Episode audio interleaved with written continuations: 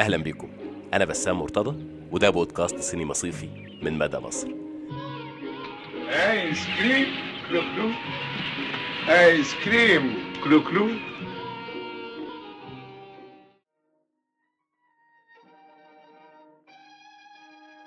لقد زهقت من عمل أفلام لا يقبل عليها أحد ولكن مصيبتي إنني كلما نويت كتابة فيلم جديد يتملكني الإحساس بالمسؤولية. وأصبح غير قادر على معرفة أو التفكير في الفيلم الذي يعجبني أو الفيلم القريب إلى نفسي.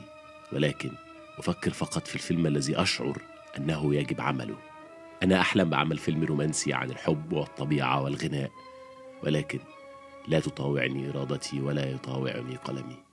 أنا لا أزال أشعر بمسؤوليتي تجاه هذه الأمة المغلوبة على أمرها والضائعة في ضباب الزيف الفكري والأخلاقي. رسالة من المخرج توفيق صالح إلى صديقه الناقد سمير فريد بتاريخ 26 يناير 1970 من دمشق. لكن الكوليرا كشفت لنا الوباء الحقيقي. العصر الفقر. الفقر هو الوباء الحقيقي. أهلا بكم في الحلقة الثانية من السلسلة الجديدة اللي طلعناها من بودكاست سينما صيفي سلسلة عن سينمائيين اجبروا على الابتعاد والاعتزال والتوقف عن صنع الأفلام.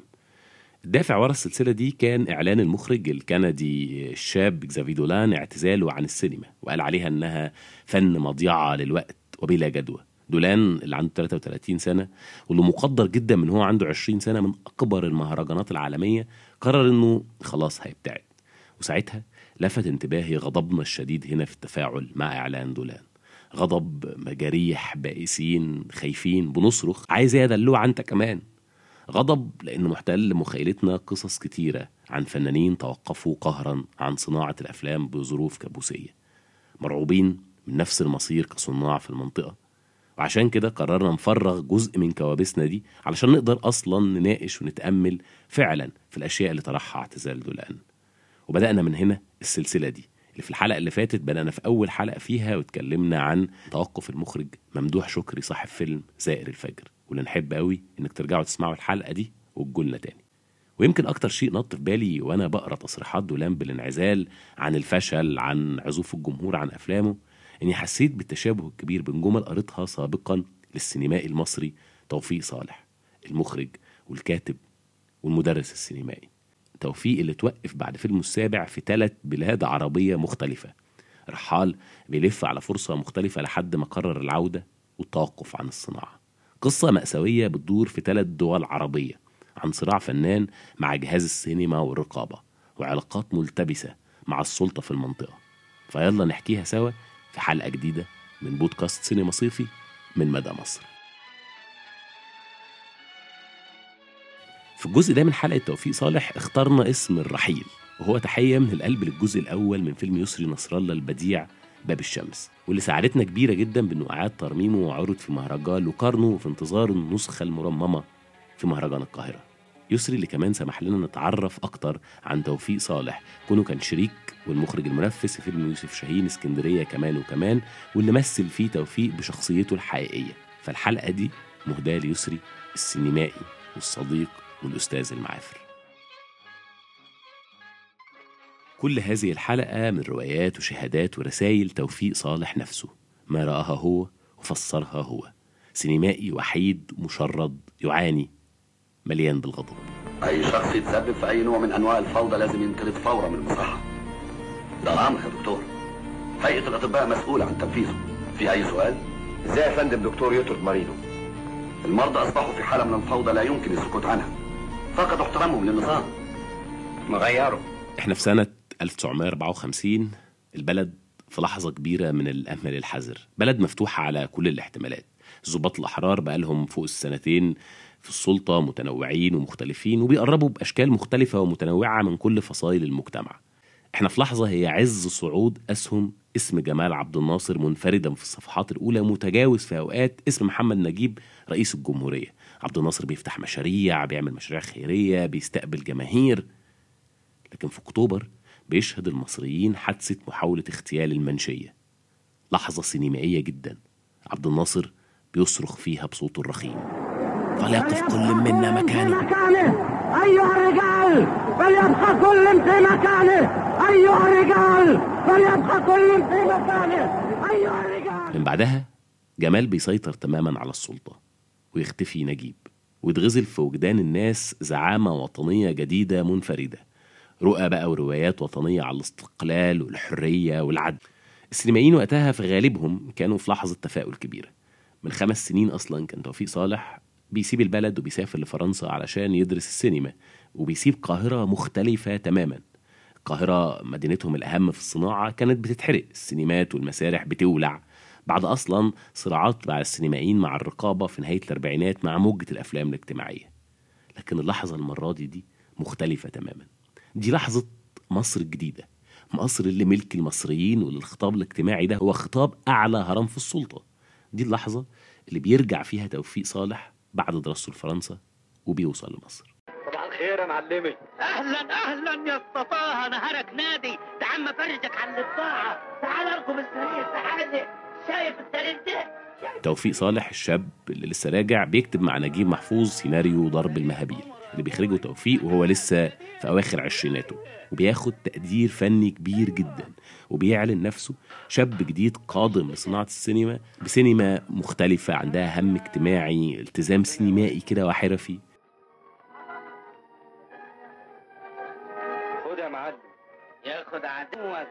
الفيلم اللي بيحكي عن قصة طه العجلاتي اللي بيلعب دوره شكري سرحان اللي بيحاول يتجوز خديجة اللي بتلعب دورها برلانتي عبد الحميد بنت الحارة واللي بيحاول في الوقت ده يشتري ورقة يا نصيب على أمل إنه يقدر يتجوزها لكنه بيفقد الورقة دي اللي بتروح في إيد واحد من مجاذيب الحارة وبتطلع الورقة الكسبانة.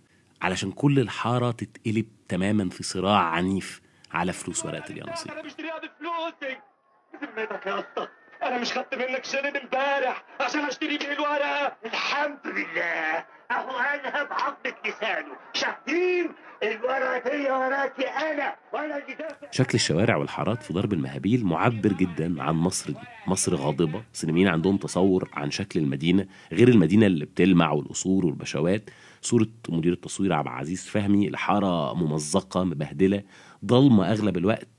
في أشياء عبد العزيز المفضلة للعب بين الظل والنور. تكوينات بصرية بتتأمل في الفقر القبح الابتزاز علاقات السلطة. ضرب المهابيل وشغل توفيق فيه بشوفه تطور واستمرار لموجة أفلام نهاية الأربعينات بعد نهاية الحرب العالمية لكن في أكبر مستوى تقني وتطور تقني بتوصل له. هيكون في العمارة أسانسير.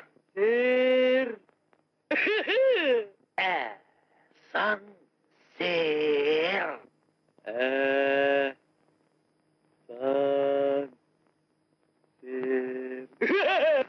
وعشان ما أثبت لك حسن نيتي هكتب العمارة باسمي والأسانسير باسمك. بعد العرض الأول والاحتفاء النقدي والعلاقة المبكرة الناجحة بين توفيق ونجيب محفوظ قرر توفيق إنه يكمل بقى في رؤياه الاجتماعية دي بتحويل رواية القاهرة الجديدة لنجيب محفوظ لسيناريو فيلم بنفس الاسم. في اللحظة دي اللحظة المختلفة تماما في تاريخ السينما في مصر اللي فيها جمال عبد الناصر بينزل من بيته وبيروح سينما ريفوري في وسط البلد علشان يحضر العرض الأول للفيلم الممنوع الله معنا لأحمد بدرخان الفيلم اللي كان معمول عن حرب فلسطين واللي اتمنع في الثلاث سنين اللي فاتوا. لكن الزعامة الجديدة المولودة من قلب المعاملة جمال عبد الناصر بيقرر إنه منعه ده كان كله مغالطات وأكاذيب وإننا في زمن عليه إننا نرفع رأسنا وعليه إنه مفيش أي شيء هيمنع فيه وبيحضر بنفسه العرض الخاص. وبيسجل التاريخ إن مفيش أي عملية منع حصلت في الفترة دي. وبيكتب كل النقاد والمؤرخين عن إن إزاي إن اللحظة دي مفيش أي فيلم سينمائي تم منعه. لكن في اللحظة دي كان توفيق بيدوق طعم الرفض الرقابي الأول على السيناريو الخاص بيه اللي هو فيلم القاهرة الجديدة. لكن العجيب في رواية توفيق إن بعد عشر سنين نفس الدولة بتوافق على سيناريو لصلاح أبو سيف لنفس الرواية لكن باسم القاهرة 30 والعريس الأستاذ محجوب عبد الدايم حسنين. الأستاذ محبوب عبد الدايم حسنين. دي اللحظة اللي توفيق ابتدى يتشكل عنده إحساس إنه بره الكتلة السينمائية الحاكمة. حتى لو امنوا بموهبته لكنه بره المتن السينمائي. إحنا هنا بنلمس بداية تشكل شخصية المطارد المنبوذ من الكل. توفيق أصلا في نفس الوقت ده كتب سيناريو فيلم باسم القضية الكبرى اترفض برضه. فهم بدري إن الأمر أكثر تعقيدا من إنه مجرد أفكار سينمائية على ورقة بتترفض. لأنه هو بيحكي وهو بيشرب فنجان قهوة صباحي مع عمر الشريف عن الفيلم ومشروعه المرفوض. تحمس عمر جدا للمشروع. تاني يوم توفيق لقى كل المنتجين بيتصلوا. حلمي رفله قالوا الفيلم ده أنا هنتجه. لكن توفيق قال له بس ده مرفوض رقابيا. قال له بس مالكش دعوة ابعت لي أنت نسخة السيناريو بالكامل. نفس السيناريو بيوصل للرقابة تحت عنوان جديد. إحنا التلامذة. وينتج سنة 59 ومن إخراج عاطف سالم. حكم القضاء لا شك حكم عادل رادع. أشغال شاقة. يستحقها الشبان دول اللي انحرفوا وارتكبوا الجرائم دي. وتستحقها الرقاصة اللي كانت السبب في غوايتهم وتستحقها الداية المجرمة اللي تسببت في قتل ضحية بريئة. الحكم ده هيكون درس قاسي لأمثال الشبان دول في المستقبل. إشادة كبيرة بالفيلم الوطني وبقضايا الأمة. ظنين إنه الإشادات دي بتزيد ربكة توفيق وبتزيد معاها إحساس عميق بيتشكل جواه باحتقار الكل. إحساسه إنها كلها لعبة. عيل صغير عمل صوابعه كده هو مسدس وقال لصاحبه تريخ ترخ قام صاحبه طوعه وسأله فيها وعمل له ميت. قام أهله قالوا ده طخ كل شيء هو مجرد تمثيلية على رأي السيناريست المبتعد هو الآخر عن العمل ماهر عواد في فيلم رشة جريئة. إنتاج 2001 قام صاحبه طوعه وزقله فيها وعمل له ميت واهله قالوا ده طخ وطخ سنة 62 توفيق بيخرج صراع الأبطال اللي مفيش أي شيء بيذكر عن معارضة رقابية للفيلم. رغم إنه لسه ملتزم بخطابه المباشر الواضح الاجتماعي اللي يبدو في أوقات كتير إنه في جزء ما تلقيني تحديدا في الحوار لكنه طول الوقت متمكن من الحرفة السينمائية. الفيلم اللي بيدور في عوالم الكوليرا في قرية فقيرة دراما ما بين المرض والفقر واستغلال المرض كسلاح. ومن بطولة ممثل توفيق المفضل وقتها شكري سرحان. بس اللعنة دي كانت مستخبيانا فين؟ في قلوبنا يا عمدة. هو إحنا فوتنا حاجة ما عملناهاش. لا ذمة ولا شرف ولا دين ولا إيمان. هو كل ده قليل. وحد جاب لنا الهم والغم ده. غير الشرطة الغبش اللي كانوا بيرموهم لنا هناك زي الكلاب. وليه ما تقولش إن سبب المصايب دي كلها صاحبة القصر؟ جيهان هانم وابنها. كده ولا لا يا دكتور؟ جايز كلكم عندكم حق. لكن الكوليرا كشفت لنا الوباء الحقيقي. القصر؟ الفقر. الفقر هو الوباء الحقيقي. الفقر هو اللي جاب الكوليرا. من هو 66 اللي هيجيب لنا مصايب وكل شيء. بيفور عند توفيق. بيبقى عايز يعبر عن نفسه أكبر وأكبر وأكبر. ودي السنة اللي بينفذ فيها توفيق فيلمه الفارق تقنيا من حيث الصورة السيد البلطي مع مدير التصوير وديد سري.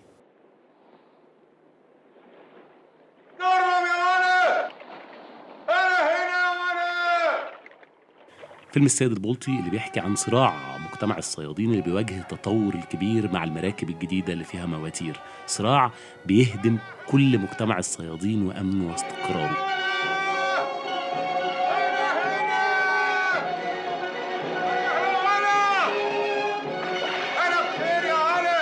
كفاية إنك تتفرج على مشهد الصيادين وهم بيدوروا على الحاج محمد البلطي في البحر. الكاميرا إزاي كانت جوه المية وعلى نفس مستوى البحر؟ التقطيع الإيقاع التكوينات حركة الموج وميزانسين المراكب مشهد استثنائي وبديع. لما تقارنه كمان بالسينما وقتها تشوف قد إيه هو مشهد متطور. مشهد متطور لو شفناه أصلا في اللحظة دي. الطفرة البصرية دي أغرت توفيق جدا اللي ابتدى سريعا يطبع الست نسخ قبل حتى ما ينتظروا رد فعل الجمهور. توفيق اتفق مع الشركة على ميعاد العرض وسافر توفيق. وبيصحى وهو خارج مصر بيستقبل الجرايد وبيقلب فيها وبيلاقي حدث بيهز المنطقة. هجوم صهيوني على مسجد قبة الصخرة وحرقه. لحظة مشتعلة وغاضبة محتلة الصفحات الأولى عن المحتل. بيقلب عشان يشوف تفاصيل أكتر فبيلاقي صورة لفيلمه وكلام عن المخرج المنحل البذيء مخرج السيد البلطي توفيق صالح.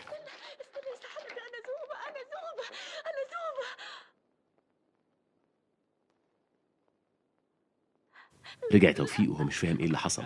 فاكتشف إنه في جنينة نقابة الصحفيين تم عرض الفيلم قبل عرضه الجماهيري ونشرة المقالة دي. وفي يوم عرض الفيلم الجماهيري اتفاجئ إن الفيلم ونسخه الستة اتسحبت كلها من دور العرض.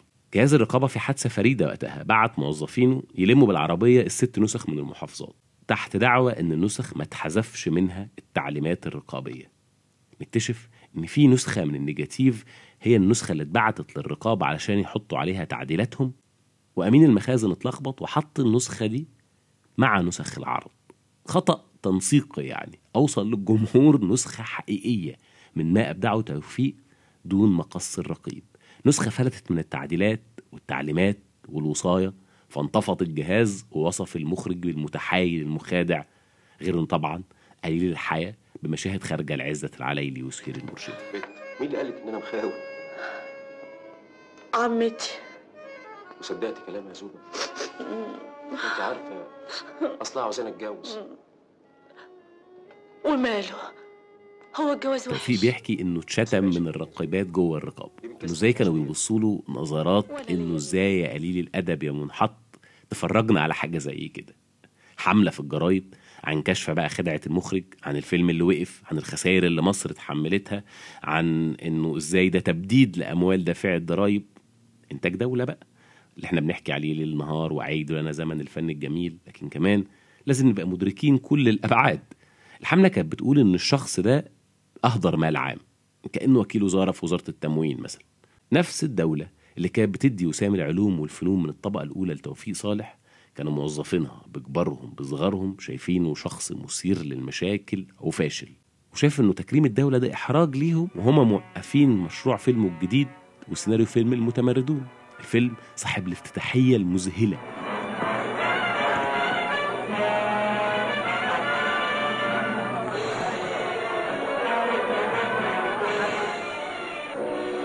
يا دكتور يا دكتور مش كده. اقفل الشباك من المتمردون الفيلم اللي بيلعب بطولته شكري سرحان واللي بيلعب دور الدكتور عزيز اللي بيروح لأحدى المصحات العلاجية في وسط الصحراء علشان يكتشف هناك إن المصحة دي مقسومة لنصين. نص يقدروا عندهم الفلوس والثروة والمال ونص تاني من المرضى الفقراء اللي معهمش فلوس فبيتعاملوا بعدم إنسانية وبيموتوا وسط المصحة.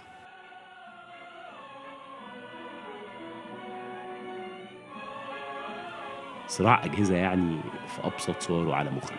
دولة بتتخانق بين أجهزة إنتاجها وتوزيعها ووزارة ثقافتها على تقدير شخص أو منعه. دولة تدريجيا بتتفكك تماما. لقد قررت أن أتنحى تماما ونهائيا عن أي منصب رسمي وأي دور سياسي وأن أعود إلى صفوف الجماهير أؤدي واجبي معها كأي مواطن آخر. بعد هزيمة 67 بيتعرض المتمردون في السينما. بس بيبدو إنه كل شيء بقى معدوم السياق. اللي حصل في البلد أكبر وأعنف وأكثر حدة من خيال أي مخرج أو فنان. شيء اختبره الجمهور أعقد وأبعد وأكثر الما من أي شيء هيشوفوه بعد كده. الدولة بكل موظفينها بتشوف إنه لا مجال بقى للعودة لما قبل النكسة. الكل بقى بيتكلم عن مين المسؤول عن الهزيمة. الكل بقى بيتكلم عن تصحيح عن تغيير. عشان كده في الوقت ده توفيق غزير الإنتاج في الفترة دي زي ما بنلاحظ بيقرر إنه فيلمه ده هيتحمس لتنفيذ رواية نائف في الأرياف لتوفيق الحكيم. توفيق بيشوف إن دي اللحظة اللي نقدر فيها نتكلم عن جهاز العدالة في مصر.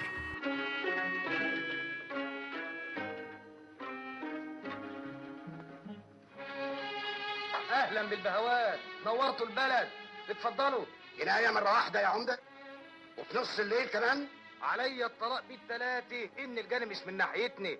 دي بلد غلبانة ومنكسرة يا سعادة البيت. وكالعادة إعلانات الفيلم بتنزل لكن قبل ميعاد العرض بيوم بيقرر شعراوي جمعة وزير الداخلية وقتها إن علشان يسمح بعرض الفيلم لازم نفس مخرج الفيلم يخرج فيلم قصير بالألوان اسمه الشرطة في خدمة الشعب يعرض قبل كل ليلة عرض لفيلم يوميات نائب في الأرياف. هو كده.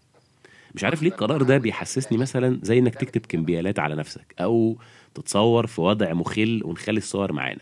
وزير الداخلية هنا في تقديري أنا بيحاول يقلل من مصداقية المخرج بأنه يخليه يخرج قبلها عمل يمجد الداخلية. ينفع نشوف ده إنه لا والله وزارة الداخلية بتحاول يعني إيه يبقى عندها الرأي والرأي الآخر عندها حق الرد. بس ده كلام ممكن نقراه بريد القراء مثلا في الأهرام. لكن اللي بيحصل ده لو يدراع بيكسر المخرج في عين الناس اللي داخلة بيكسر المخرج في عين الجمهور علشان لما يشوفوا بعد كده يفقدوا أي مصداقية ليه. فرض سيطرة كامل. ما فيش حاجة اكرهها في شغلة النيابة قد المرافعة. دي شغلة ممثل. ممثل إزاي يا فندم؟ إتقان الحركات والإشارات ورنة الصوت ومهارة الإلقاء والضرب بالأيدي على المنصة. أهم من لب الموضوع. أنا أحب ألاحظ الناس من بعيد وأكره إن الناس تتفرج عليا وأنا بمثل. توفيق بيرفض. وبيحاول مدير مؤسسة السينما وقتها عبد المجيد جودة الصحار إنه يلاقي حل بيقترح ويرشح مخرجين تانيين يخرجوا الفيلم القصير للوزارة. لكن الوزارة بترفض طلب الوزارة واضح اللي عمل الفيلم ده هو اللي هيعمل ده. مع الرفض المتبادل الوقت بيعدي والوزارة لازم تطلع بقرار. مؤسسة السينما بتضغط دون أي شيء الفيلم ده ممنوع ولا هيتعرض ولا إيه اللي هيحصل؟ هنا الضباط بيتواصلوا مع توفيق وبيقولوا له عايزين نسخة علشان سيادة الوزير هيشكل لجنة برئاسته وهيشوفوا الفيلم وساعتها هيطلعوا القرار. اللجنة بتجيب لجنة واللجنة الجديدة بتجيب لجنة جديدة. كلهم بيتشكلوا من مجموعة من خيرة ضباط الوزارة. بيتفرجوا ويتناقشوا. بيحكي توفيق إنه بقى مشوار اعتيادي إنه يروح يودي نسخة الخام بتاعة الفيلم للوزارة ويرجع ياخدها تاني ويروح ويرجع ويروح. لدرجة إنه بقى اوقات يقابل ضباط يناقشوه في الفيلم في طريقه ويكلموه في مشاهد ولقطات وتكوينات. وكان دايما توفيق بيقول ده بالظبط زي ما أستاذ توفيق الحكيم قال. هل أنا هغير من كلام توفيق؟ علشان كده الوزارة ابتدت توزع على اللجان دي نسخ من الرواية علشان يطبقوا الفيلم بالرواية على أمل يكتشفوا اختلافات فيقدروا يوقفوا الفيلم. أنا هكون حاضر معاك وهساعدك لو احتاج الأمر. ولو إني أعتقد إنك مش هتحتاج لي لأني قاضي النهاردة ساكن في مصر. يوم الجلسة يجي الساعة 9 صباحا في القطر ويرجع في قطر 12 ومهما بلغ من عدد القضايا عمره ما فاته قطر 12 أبدا. قطر الساعة 9 وصل يا فندم. لما فشلت كل اللجان الداخلية قرر الوزير إنه يجيب بقى سلطة تانية تاخد هي القرار. وهنا قرر دعوة لجنة من اللجنة المركزية للاتحاد الاشتراكي بدل بقى وكتاف عريضة داخلة حفلة الظهر يوم الخميس في سينما رمسيس بتتفرج على الفيلم. وبتقرر بعدها إنه على أول الأسبوع هيبلغوا المخرج والمنتج بالقرار. يوم الجمعة كان جودة الصحار بيصلي في الحسين عربية من الرئاسة بتوصل وبتاخد مدير جهاز السينما لمقر الرئاسة مباشرة. علشان يبلغوه بأن السيد الرئيس المتنحي والعائد من التنحي اتفرج على الفيلم كاملا. وأمر فورا بعرض الفيلم وإنه بيبلغ جودة الصحار إن لو الدولة أنتجت أربع أفلام سنويا بالمستوى ده هيزيد من ميزانية المؤسسة. طار جودة وبلغ توفيق. لكن أسابيع بتعدي ومفيش قرار بالعرض بيوصل. قبل ما يتواصلوا تاني مع وزارة الداخلية اللي بتنزعج جدا من رواية جودة دي عن كلام الرئيس وبتطلب منهم إن هم يستنوا جنب التليفون. توفيق قاعد جنب التليفون والتليفون بيرن. مكتب وزير الداخلية بيتصل بيه وبيهنيه على المستوى الفني للفيلم وبيبارك له. وبيقول له إن الفيلم بس هيتأجل عرضه لبعد الانتهاء من الانتخابات التكميلية لمجلس الشعب. المفتت من بعد النكسة